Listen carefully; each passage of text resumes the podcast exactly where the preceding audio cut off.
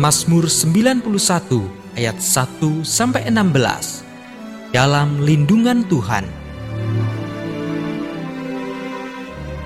Orang yang duduk dalam lindungan yang maha tinggi dan bermalam dalam naungan yang maha kuasa akan berkata kepada Tuhan, Tempat perlindunganku dan kubu pertahananku, Allahku yang kupercayai. Sungguh, dialah yang akan melepaskan aku dari jerat penangkap burung, dari penyakit sampar yang busuk. Dengan kepaknya, ia akan menudungi engkau di bawah sayapnya engkau akan berlindung. Kesetiaannya ialah perisai dan pagar tembok. Engkau tak usah takut terhadap kedahsyatan malam, terhadap panah yang terbang di waktu siang, terhadap penyakit sampar yang berjalan di dalam gelap, terhadap penyakit menular yang mengamuk di waktu petang. Walau seribu orang rebah di sisimu dan sepuluh ribu di sebelah kananmu, tetapi itu tidak akan menimpamu. Engkau hanya menontonnya dengan matamu sendiri dan melihat pembalasan terhadap orang-orang fasik. Sebab Tuhan ialah tempat perlindunganmu yang maha tinggi telah kau buat tempat perteduhanmu. Malapetaka tidak akan menimpa kamu dan tulah tidak akan mendekat kepada kemahmu. Sebab malaikat-malaikatnya akan diperintahkannya kepadamu untuk menjaga engkau di segala jalanmu. Mereka akan menatang engkau di atas tangannya, supaya kakimu jangan terantuk kepada batu. Singa dan ular tedung akan kau langkahi. Engkau akan menginjak anak singa dan ular naga. Sungguh, hatinya melekat kepadaku, maka aku akan meluputkannya Aku akan membentenginya, sebab ia mengenal namaku. Bila ia berseru kepadaku, aku akan menjawab. Aku akan menyertai dia dalam kesesakan. Aku akan meluputkannya dan memuliakannya. Dengan panjang umur akan kukenyangkan dia dan akan kuperlihatkan kepadanya keselamatan daripadaku. Amin.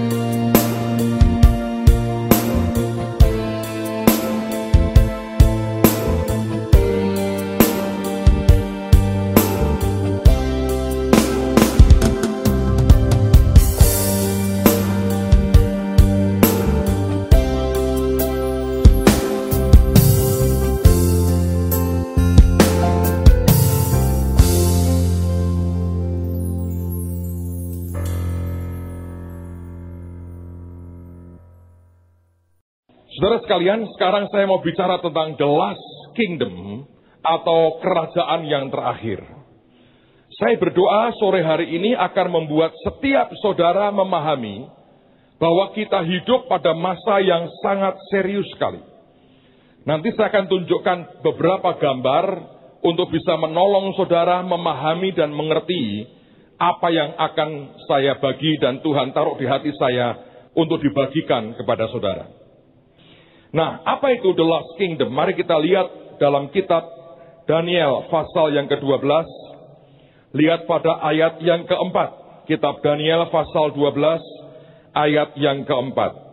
Tetapi engkau Daniel sembunyikanlah segala firman itu dan meteraikanlah kitab itu sampai pada akhir zaman. Banyak orang akan menyelidikinya dan pengetahuan akan bertambah. Daniel pada menjelang matinya, Tuhan berkata, meteraikan Daniel. Dan Tuhan berkata, nanti pada akhir zaman, banyak orang akan menyelidikinya dan pengetahuan akan makin bertambah. Salah satu yang termasuk rumit dalam Alkitab adalah kitab Wahyu. Dan sebenarnya tidak semua orang bisa memahami secara utuh termasuk saya. Saya kalau jujur berkata kepada saudara, kitab Wahyu bukan kitab yang mudah untuk dipahami. Nah, salah satunya adalah karena Tuhan berkata, itu membutuhkan yang namanya penyelidikan. Yang kedua, ternyata pewahyuan itu pelan-pelan dibuka oleh Tuhan sesuai dengan kondisi zaman, di mana Alkitab berkata, akhirnya pengetahuan akan bertambah.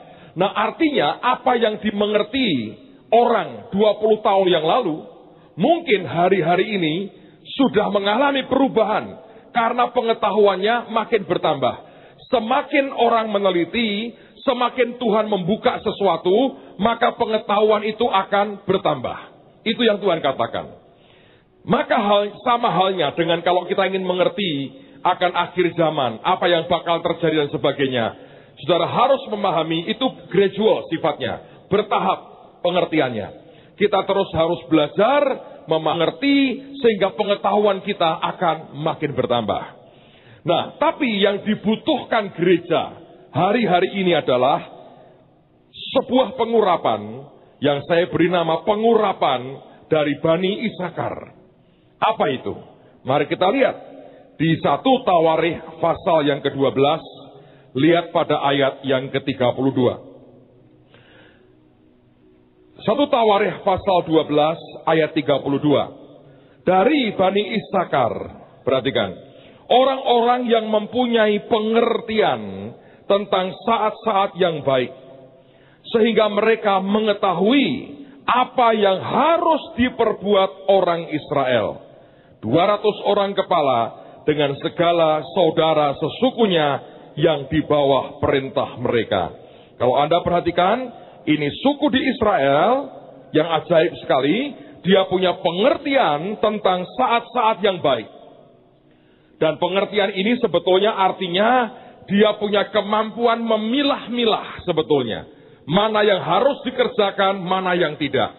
Mana prioritasnya, mana yang bukan prioritas. Itu dimiliki oleh Bani Isakar. Mengapa saya cerita, saya berbagi tentang the last kingdom hari ini dengan saudara. Supaya paling tidak dalam hidupmu itu engkau mengerti. Bahwa ini zaman sedang arahnya ke mana. Kita akan menghadapi situasi yang seperti apa. Nah dengan demikian Anda akan faham betul apa yang harus dilakukan dan apa yang tidak dilakukan. Saya berdoa ini akan mendorong begitu banyak orang untuk mengerjakan, melakukan tepat seperti yang Tuhan mau. Dan saya berdoa, Tuhan akan membuat saudara mengerti dan menangkap ini. Saya mau jelaskan nanti step by step, tolong minta fokus lebih dari yang biasanya. Apa itu Pak namanya Last Kingdom? Sekarang mari kita lihat pada pokoknya, yaitu di Daniel pasal yang kedua. Silahkan dibuka. Kitab Daniel pasal yang kedua. Lihat pada ayat yang ke-31 sampai dengan ayat yang ke-45. Daniel pasal 2 ayat 31 sampai 45. Ya Raja, tuanku melihat suatu penglihatan, yakni sebuah patung yang amat besar. Patung ini tinggi berkilau-kilauan luar biasa, tegak di hadapan tuanku, dan tampak mendahsyatkan. Adapun patung itu kepalanya dari emas tua, dada dan lengannya dari perak, perut dan pinggangnya dari tembaga, sedang pahanya dari besi, dengan kakinya sebagian dari besi dan sebagian lagi dari tanah liat. Sementara tuanku melihatnya terungkit lepas sebuah batu tanpa perbuatan tangan manusia. Lalu menimpa patung itu tepat pada kakinya yang dari besi dan tanah liat itu sehingga remuk. Maka dengan sekaligus diremukkannya juga besi tanah liat, tembaga, perak, dan emas itu, dan semuanya menjadi seperti sekam di tempat pengirikan pada musim panas, lalu angin menghembuskannya, sehingga tidak ada bekas-bekasnya yang ditemukan. Tetapi batu yang menimpa patung itu menjadi gunung besar yang memenuhi seluruh bumi. Itulah mimpi tuanku.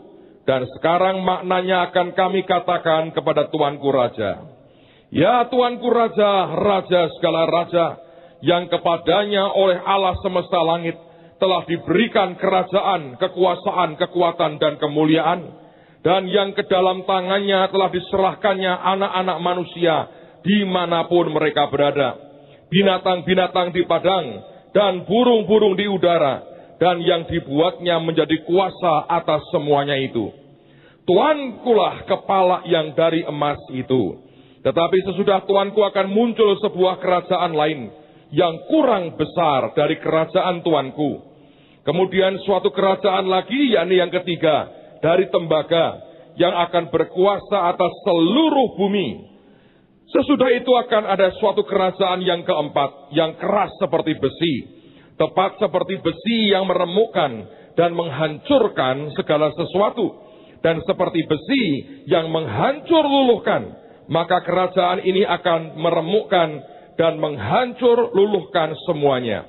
Dan seperti Tuhan kulihat, kaki dan jari-jarinya sebagian dari tanah liat tukang periuk dan sebagian lagi dan itu berarti bahwa kerajaan itu terbagi.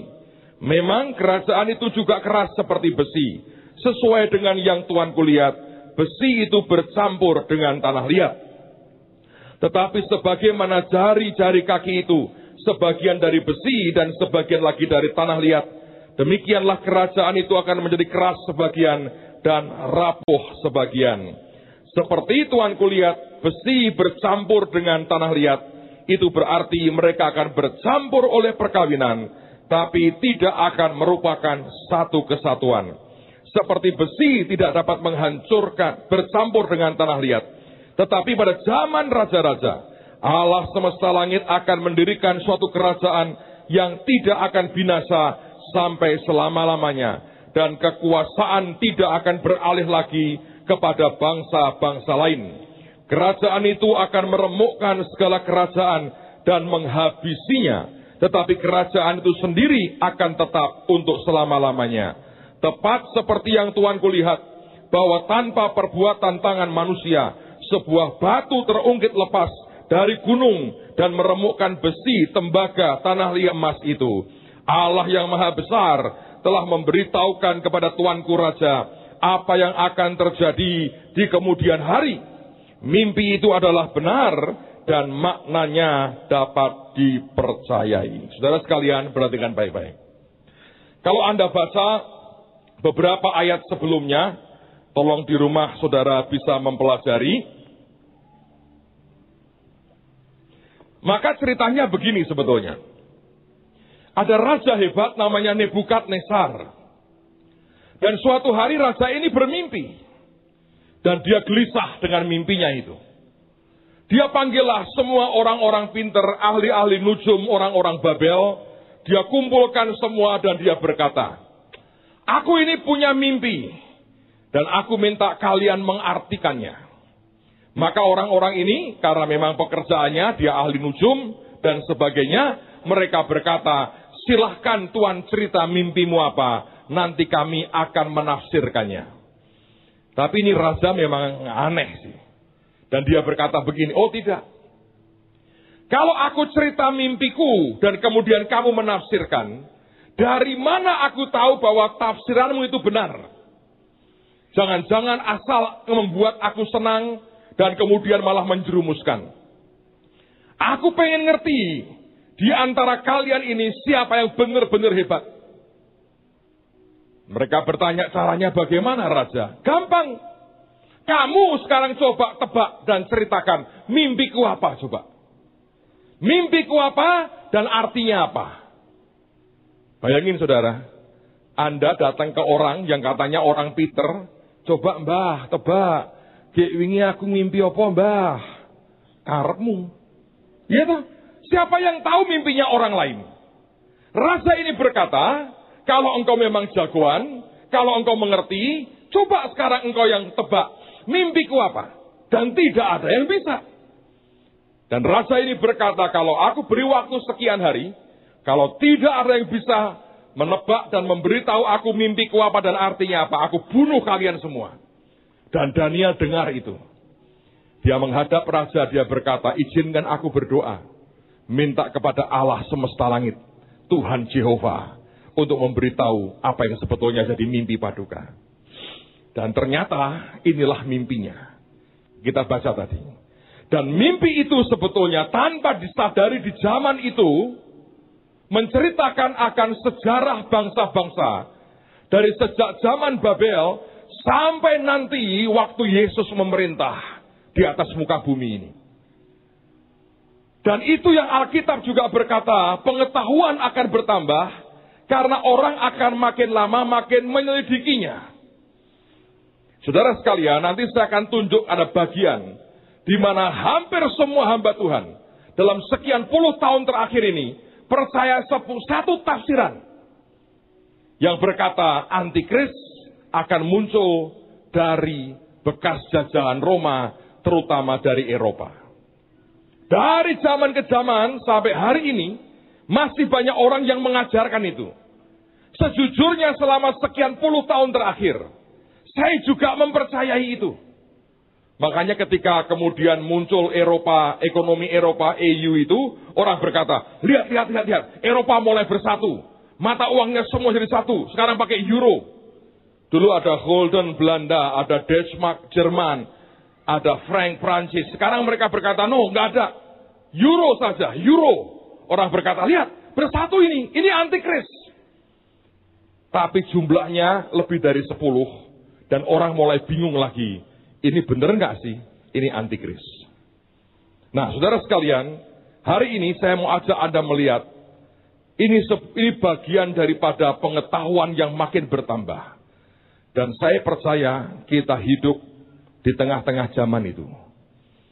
Dan saya percaya dalam waktu yang tidak lama lagi, mimpi ini akan digenapi. Oke, sekarang mari kita bawa Anda lihat patungnya.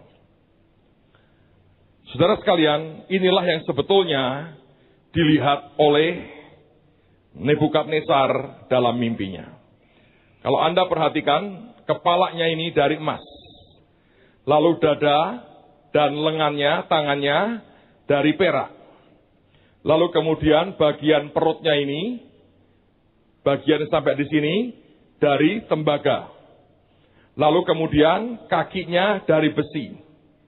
Nah, bagian yang kelima tidak ditulis di sini. Saya sengaja yang ini eh, oke. Oke.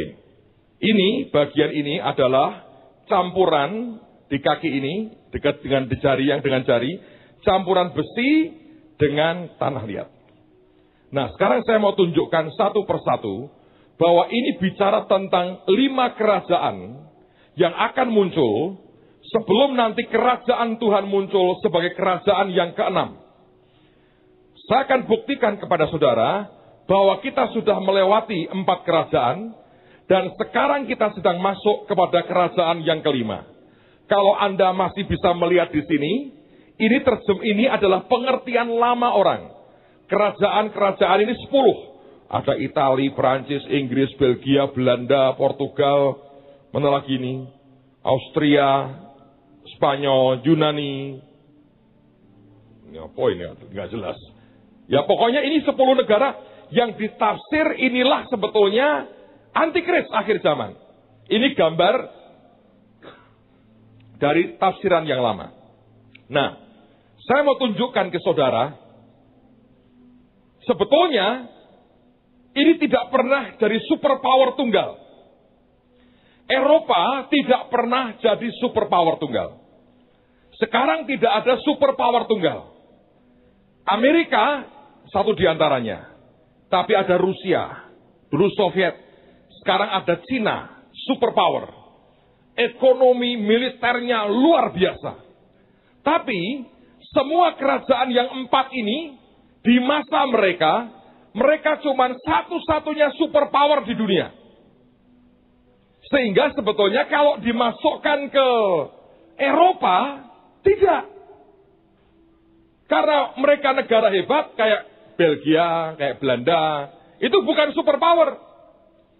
Memang negara bagus sih secara manusia. Tetapi tetap bukan superpower. Jadi nggak bisa. Sampai hari ini yang namanya Uni Eropa hampir-hampir nggak ada pengaruh di tempat kita. Ya kan? Nah, oke. Okay. Sekarang mari kita lihat akan daerah kekuasaannya. Lihat akan peta pertama. Ini merupakan kerajaan Babilonia yang Daniel berkata, kepala yang dari emas itu adalah tuanku. Siapa itu? Nebukadnezar. Nah kalau Anda melihat, inilah batasannya. Dia kuasai sebagian Turki, dia kuasai sampai sebagian Mesir, dia kuasai sedikit di daerah Saudi, dia kuasai sedikit di daerah Iran, tapi dia tidak pernah tembus ke Iran dengan kuat, dan dia berpusat di Irak, Suriah, Israel, Yordan sekarang. Inilah kerajaan Babilonia. Dan di zaman itu, dia satu-satunya superpower di dunia. Negara lain tidak punya kekuasaan sehebat daripada Babel. Tapi kalau Anda lihat dalam peta, yang merah inilah daerah dia. Ini merupakan kerajaan yang pertama. Ini yang dibilang adalah kepala yang dari emas. Oke? Bandingkan dengan peta kedua. Inilah kerajaan Persia atau media Persia. Yang terkenal zaman Ahasiweros. Yang punya istri bernama Ratu Esther. Ini kerajaan media Persia. Kalau Anda lihat, dia kekuasaannya lebih besar, masuk ke Turki lagi lebih besar. Kemudian sama yang di sini. Terus dia kuasai Persia, dari Persia, dia kuasai Irak, Suriah, Yordan yang sekarang, dan dia kuasai Afghanistan sampai sebagian Pakistan dan India dia kuasai. Ini merupakan wilayah yang namanya kekuasaan daripada negara Media dan Persia. Anda lihat sebelah kanan, daerahnya lebih luas. Tapi memang pengaruhnya, powernya, tidak sehebat Babel, saudara. Babel itu walaupun daerahnya lebih kecil sedikit, tapi pengaruhnya lebih besar. Persia anda lihat ini yang terjadi. Ini kerajaan kedua yang dari perak. Berikutnya. Nah ini kerajaan ketiga yang dari tembaga tadi. Inilah kerajaan yang mencapai kejayaan di bawah kekuasaan namanya Alexander Agung atau Alexander the Great. Kalau Anda lihat membentang dari Eropa, khususnya Yunani, karena Makedonia adalah bagian dari Yunani, Terus sampai ke India. Dan kemudian masuk lagi di sini, sebagian dari Afrika Utara, sebagian dari Timur Tengah dia kuasai. Inilah kerajaan yang dikuasai oleh Alexander Agung. Kalau Anda lihat petanya, membentang seperti ini. Memang tidak seluas Persia, tapi ini sebetulnya superpower dunia. Di zaman dia tidak ada kerajaan sehebat yang dimiliki oleh Alexander the Great. Yang berikutnya. Nah inilah sebetulnya bagian yang keempat, kerajaan yang di mana Alkitab berkata kakinya dari besi. Inilah kerajaan Roma. Menguasai ini Eropa, Spanyol, Portugal dan sebagainya. Sampai ke menguasai Inggris, sebagian sampai ke Jerman dan sebagainya. Terus ini kekuasaannya. Kalau Anda perhatikan, sampai di sini besar kekuasaannya. Ini adalah kekuasaan Roma dan di zaman dia Tidak ada superpower lain. Babel sudah habis, Persia habis, lalu Makedonia habis. Semuanya selesai. Yang ada adalah Romawi Raya. Pax Romana yang besar ini. Ini merupakan zaman di mana Yesus lahir dan sebagainya. Tapi kekuasaannya kalau Anda lihat di daerah ini begitu luas sampai dengan seperti yang muncul di tempat ini. Nah kalau Anda perhatikan selalu konsentrasinya munculnya di daerah ini. Belum pernah di sini saudara. Sebentar lagi mungkin. Alright. Lalu orang berkata, ini sudah muncul empat kerajaan. Satu, dua, tiga. Semua orang percaya, setuju. Ketika mereka buat penelitian, mereka berkata, kita sepakat, kita setuju. Inilah empat kerajaan yang dimunculkan dalam mimpi Nebukadnezar. Sekarang mereka bertanya, kerajaan kelima itu siapa? Nah ini yang tadi saya berkata. Orang mengatakan, pasti karena itu bagian dari kaki yang dari besi, pasti merupakan bagian dari jajahan Roma. Dan orang mencoba meyakinkan semua orang bahwa nanti dari Uni Eropa itulah akan muncul antikris.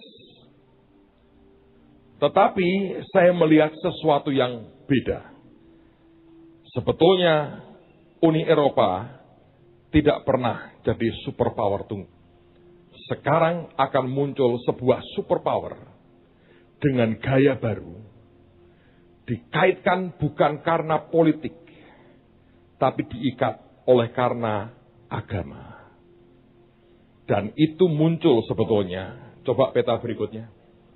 Kalau Anda perhatikan, dulu di daerah ini berkembang namanya Kerajaan Turki Ottoman. Dan dia pernah menguasai dunia yang dikenal hari itu. Dan itu kerajaan pengaruhnya sampai ke Indonesia. Dia tidak pernah mungkin menurut saya setahu yang sejauh yang saya tahu tidak pernah kirim pasukan sampai mendarat di Jawa. Tapi kalau Anda sempat belajar sejarah, saya belajar sejarah empat tahun di Undip, saudara. Kan kerajaan Majapahit runtuh. Majapahit itu bisnya Hindu. Maka kerajaan-kerajaan ketika dia mulai melemah, kerajaan-kerajaan pesisir di Pulau Jawa, Sumatera, dan sebagainya. Dalam waktu yang hampir bersamaan, mereka melepaskan diri keluar dari Majapahit. Mengapa mereka bisa begitu berani? Salah satu yang saya pernah pelajari adalah sebab mereka di backup oleh kerajaan Turki Ottoman. Dan kerajaan-kerajaan ini yang kemudian merdeka, banyak kerajaan di sini. Sebetulnya mereka menjadi Kedar dan Nebayot. Mereka tidak mau lagi ikut Majapahit yang Hindu. Mereka berkata, kami ikut jadi bagian Kedar dan Nebayot. Dan zaman Turki Ottoman, dia bisa kuasai Spanyol. Anda bisa bayangkan. Dan itu kerajaan dari super power luar biasa. Nah, Tuhan berkata, sekarang kekuasaan mereka bukan disatukan oleh kekuatan politik, tapi agama. Kalau Anda lihat yang warna makin tua ini, jumlahnya makin banyak. Indonesia dikategorikan level 2. Level 2 segera akan di sini. Tapi ini masih di sini katanya. Kalau Anda perhatikan, Afrika Utara seluruhnya sampai tanduk Afrika. Lihat, ngeri sekali. Anda tahu namanya Boko Haram sedang merajalela di sini. Lihat yang terjadi di Irak dan sekitarnya. Apa yang beda?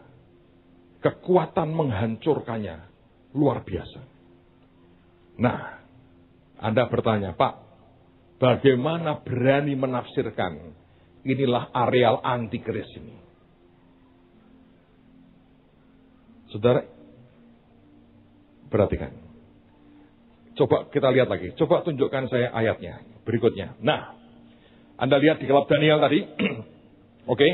Sekarang saya bacakan dulu. Lihat mulai ayat 41. Dan seperti Tuhan kulihat, kaki dan jari-jarinya sebagian dari tanah liat tukang periuk, dan sebagian lagi dari besi.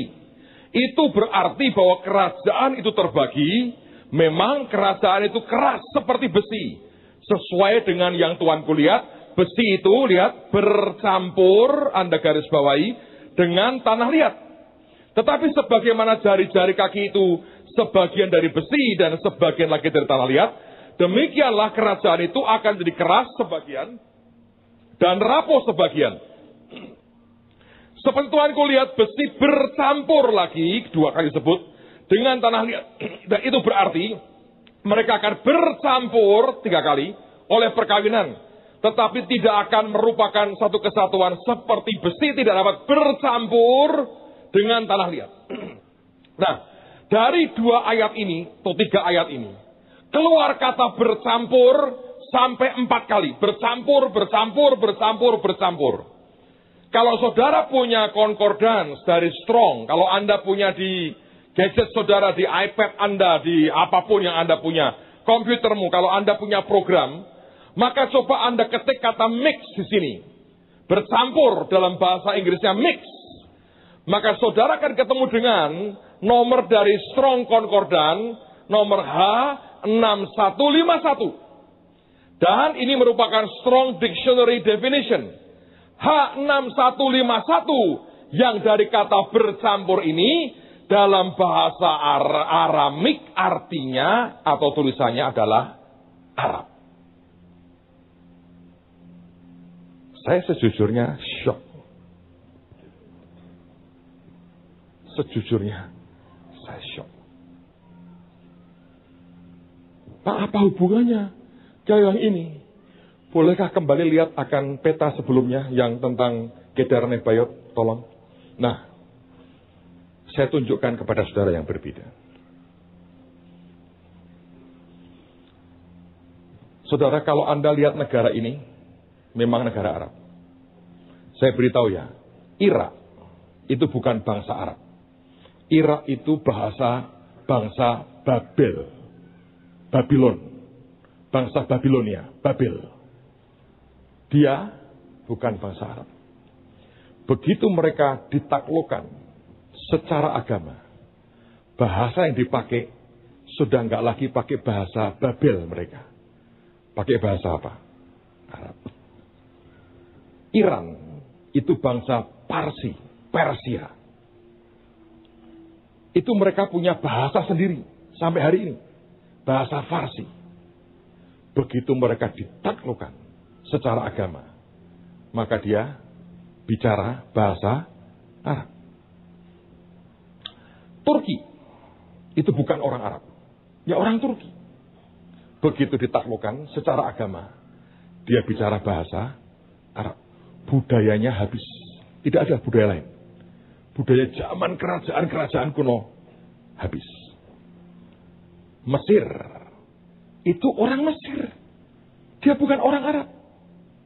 Begitu ditaklukkan secara agama, mereka menjadi berbahasa Arab. Maka Libya, Aljazair, dan sebagainya, kalau Anda lihat, begitu terjadi penaklukan, maka berubah. Kalau Anda lihat, Turkmenistan ini semua begitu dikuasai. Mereka bicara bahasa Arab. Besi mix bercampur dengan tanah liat. Dan kata bercampur itu Arab. Saya sesyok. Saya puluhan tahun berpikir, ini Uni Eropa. Kalau lihat ini, tidak ada saudara.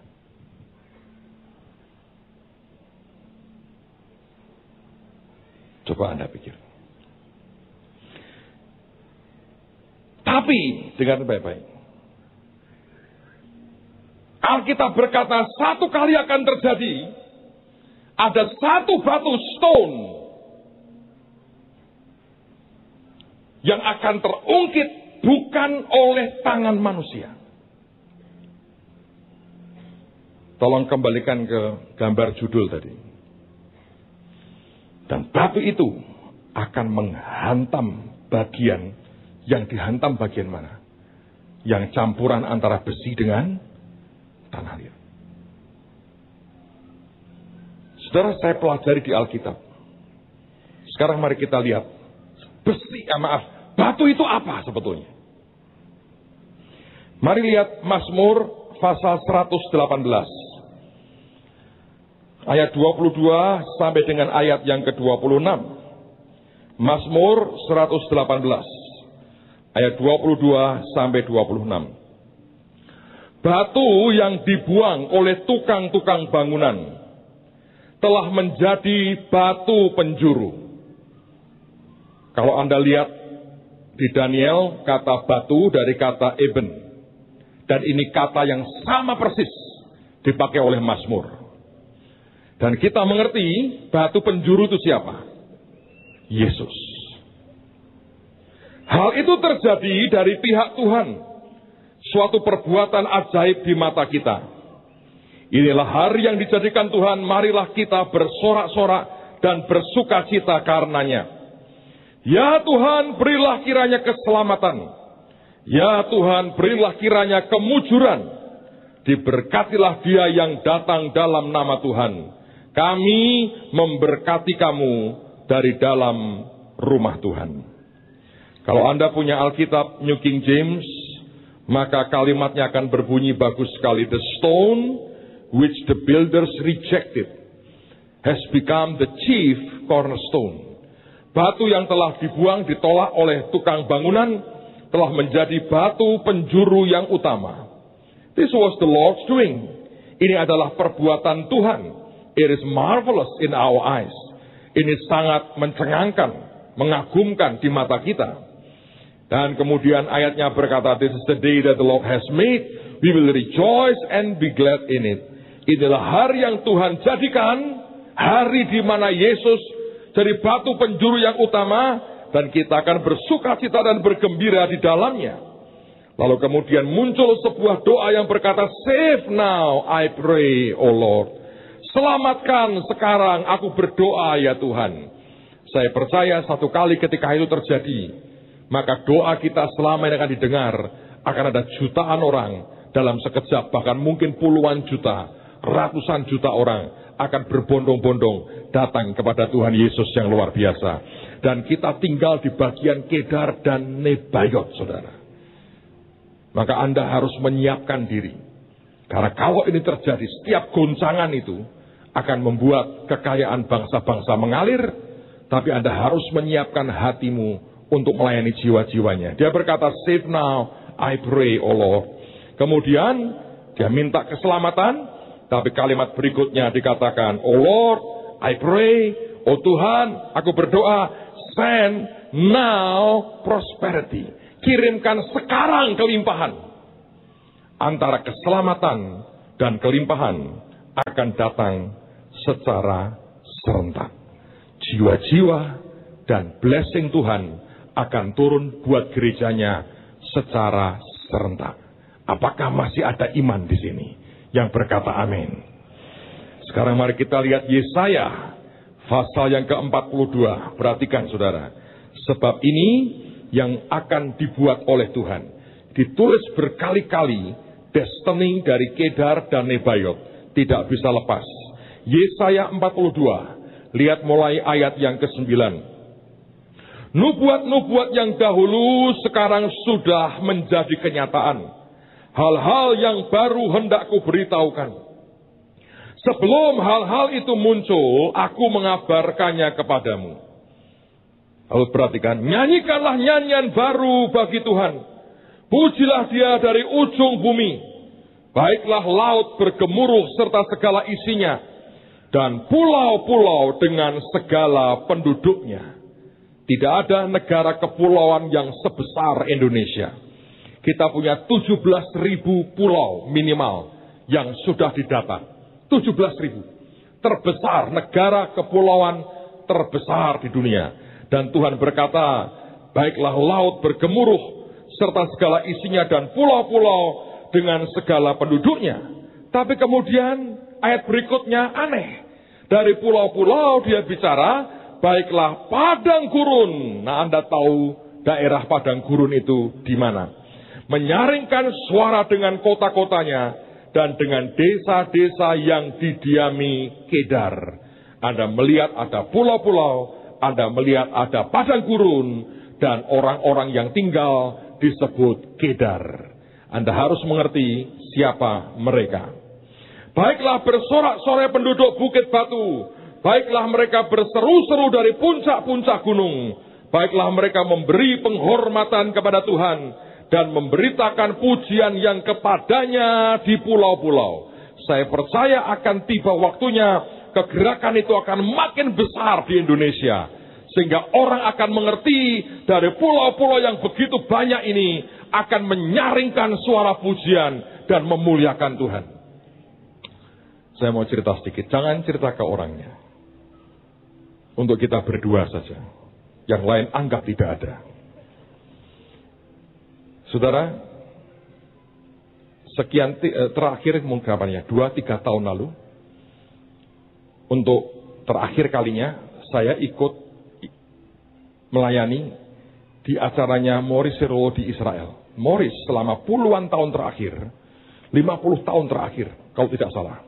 Tiap tahun tanpa bolong, dia buat konferensi satu hari untuk orang-orang Yahudi Mesianik dan orang-orang Arab yang terima yang percaya Tuhan Yesus, hamba-hamba Tuhan orang Arab. Dua minggu lagi atau minggu depan kita ada tamu di Impact, namanya pendeta Jack Sara. Dia adalah kepala sekolah dari sekolah Alkitab di Palestina di Bethlehem. Sekolah Alkitabnya bagus sekali. Dia orang Palestina, tapi dia ikut Tuhan Yesus. Dia kepala sekolah sekolah Alkitab yang di Palestina, di Bethlehem. Jadi Morris itu setiap tahun dia kumpulkan orang dan itu biasanya ribuan datang. Dan dia ngajar. Bertahun-tahun dia datang, dia nyampaikan nubuatan, dia encourage. Dan khusus buat Israel, dia tidak ambil persembahan sama sekali. Itu murni pengorbanan dia. Saudara, apa yang terjadi? Kok saya dengar kabar bahwa beberapa tahun terakhir ini yang ikut ngedrop. Sehingga dia berpikir untuk tahun ini mau pindah gedung yang lebih kecil. Karena yang ikut ngedrop.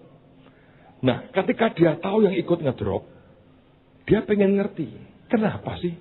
Kok mendadak ngedrop? Lalu dia anak buahnya dia itu kontak-kontak. Saya tahu dia keliling mencoba menghubungi sebanyak mungkin orang. Dia keliling, keliling, keliling, keliling, keliling.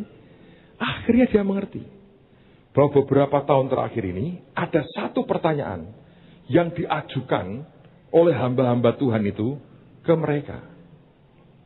Pertanyaannya begini. Hamba Tuhan dari Indonesia itu khotbah tidak? Itu yang terjadi dua tahun lalu. Oh dibilang, oh tidak. Tahun lalu drop. Sekarang sudah mulai keliling lagi.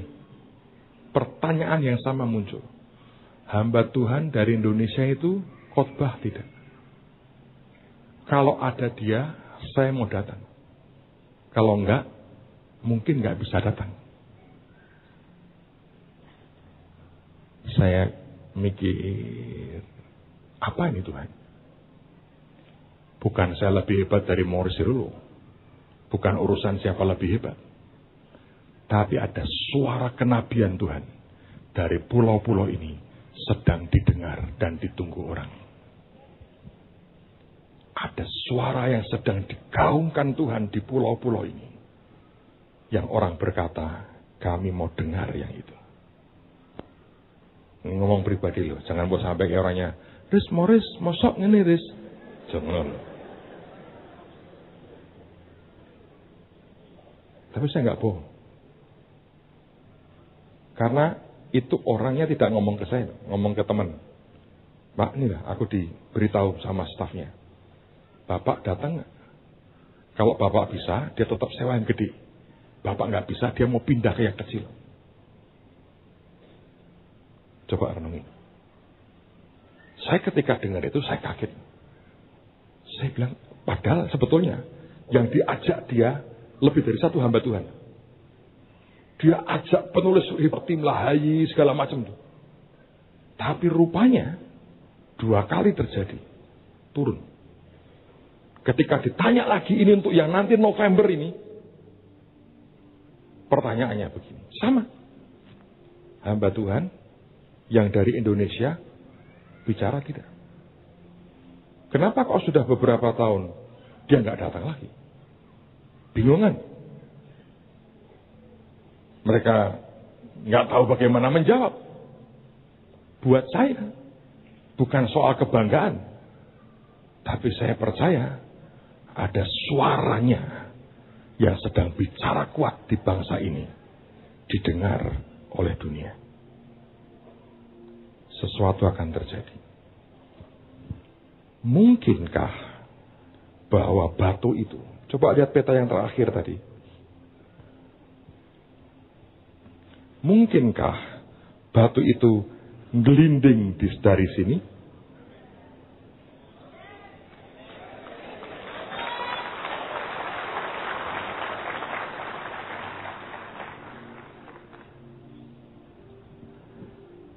Sebab kalau Anda lihat peta,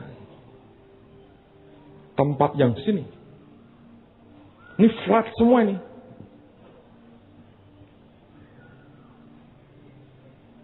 Dan kalau lihat apa yang Tuhan kerjakan, mungkin di sini. Mungkin inilah nubuatan Pak Yusak gelinding baik.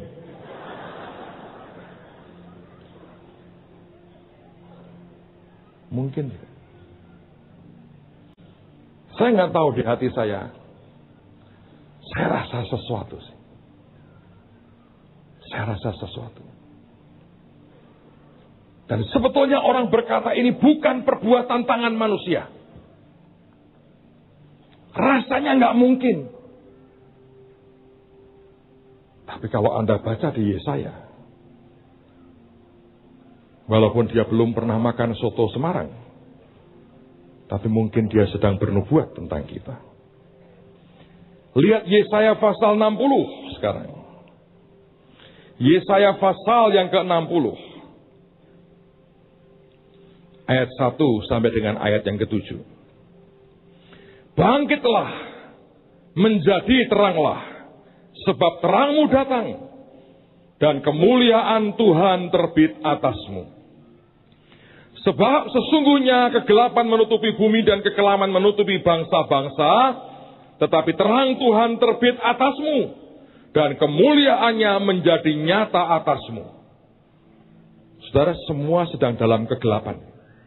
Tapi tahun ini genap 70 tahun Indonesia merdeka. Dalam hitungan pembuangan Tuhan setelah 70 tahun harus bebas. Tapi kita terima Yobel dihitung dari tahun 65 dan ditambah Yobel besar Israel. Gabungan tiga ini hanya kita yang punya. Dahsyat ini. Teruskan lagi. Bangsa-bangsa berduyun-duyun datang kepada terangmu dan raja-raja kepada cahaya yang terbit bagimu. Angkatlah mukamu dan lihatlah ke sekeliling. Mereka semua datang berhimpun kepadamu. Anak-anakmu laki-laki datang dari jauh dan anak-anakmu perempuan digendong. Pada waktu itu engkau akan heran melihat dan berseri-seri. Engkau akan tersengang dan akan berbesar hati. Sebab kelimpahan dari seberang laut akan beralih kepadamu. Dan kekayaan bangsa-bangsa akan datang kepadamu. Sejumlah besar unta akan menutupi daerahmu. Unta-unta muda dari Midian dan Eva. Mereka semua akan datang dari Sheba. Akan membawa emas dan kemenyan serta memberitakan perbuatan masyur Tuhan. Segala kambing domba kedar akan berhimpun kepadamu. Domba-domba jantan Nebayot akan tersedia untuk ibadahmu. Semuanya akan dipersembahkan di atas mesbahku sebagai korban yang berkenan kepadaku. Dan aku akan menyemarakkan rumah keagunganku. Domba-domba jantan domba-domba kedar dan domba-domba jantan nebayot akan tersedia untuk ibadah. Saya percaya bisa terjadi. Batu itu diungkit dari tempat ini. Sebab ini sebetulnya tafsiran. Besi bicara yang keras. Tanah liat bicara yang lunak. Salah satu nafsir orang berkata begini. Ini sebuah negara yang ada unsur kerasnya dan ada unsur demokrasinya. Dan dicoba disatukan. Menarik sih. Atau orang berkata, ini fakta. Di Yaman sedang terjadi dua kelompok besar. Bagian dari mereka perang hari ini. Ini saya berkata, tidak ada orang yang mungkin akan menduga bahwa batu itu digulirkan dari tempat di mana pulau-pulau yang didiami Kedar itu ada. Siapa yang bersyukur tinggal di Indonesia, lambaikan tangan saudara. Saya berdoa Anda siap-siap. Ayat terakhir, mari kita baca sama-sama. Buka Alkitab saudara. Mari kita deklarasikan dengan keras dalam Yehezkiel 46 ayat 16 dan ayat yang ke-17. Yehezkiel 46 ayat 16 dan 17. Kita baca dengan suara keras. Dua, tiga. Beginilah firman Tuhan Allah. Kalau raja itu memberi sesuatu pemberian dari milik pusakanya kepada salah seorang anaknya, maka itu menjadi kepunyaan anaknya dan milik ini menjadi pusaka mereka.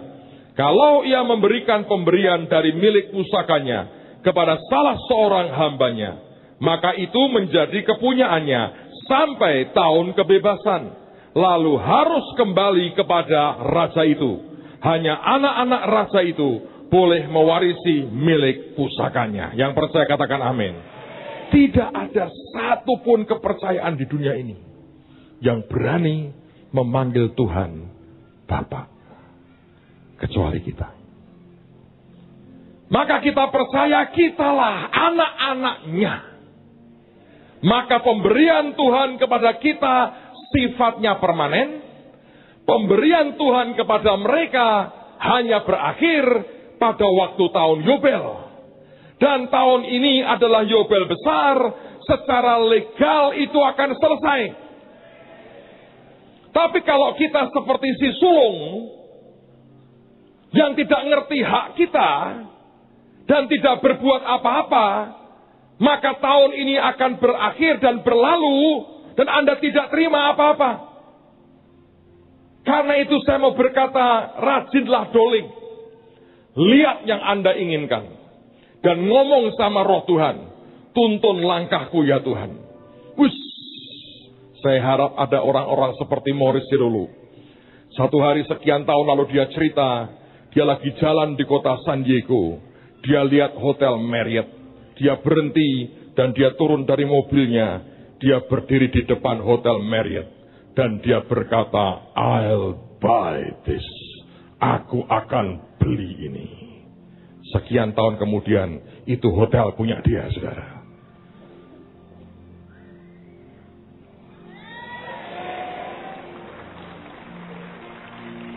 Tuhan berkata, tak melo sidik ya. Lihat anak-anaknya begini loh. Anda membuat Tuhan galau loh.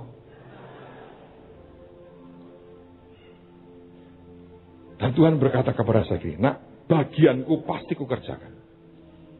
Siapkan mereka. Siapa yang sungguh-sungguh serius ingin nanggapi Tuhan. Coba lambaikan tangan. Aminmu tak tunggu kemis Jumat, saudara. Saya saya nggak minta apa-apa dari saudara. Dengerin. Sebab ada pesan Tuhan buat Anda. Kalau Anda tangkap itu dengan kuat. Cara hidupmu, cara dagangmu, cara kerjamu. Semua berubah. Itu akan memperbesar kapasitasmu. Tugas saya, dengerin suara Tuhan. Ngomong ke Anda. Tugas saudara, dengerin, percaya, kerjakan. Itu caranya kerajaan Tuhan akan dibangun. Kita hidup di kerajaan yang terakhir, the last kingdom. But last of the last nanti adalah kerajaan Tuhan Yesus yang memerintah dunia ini. Dan kita duduk memerintah bersama dengan dia. Yang percaya katakan amin.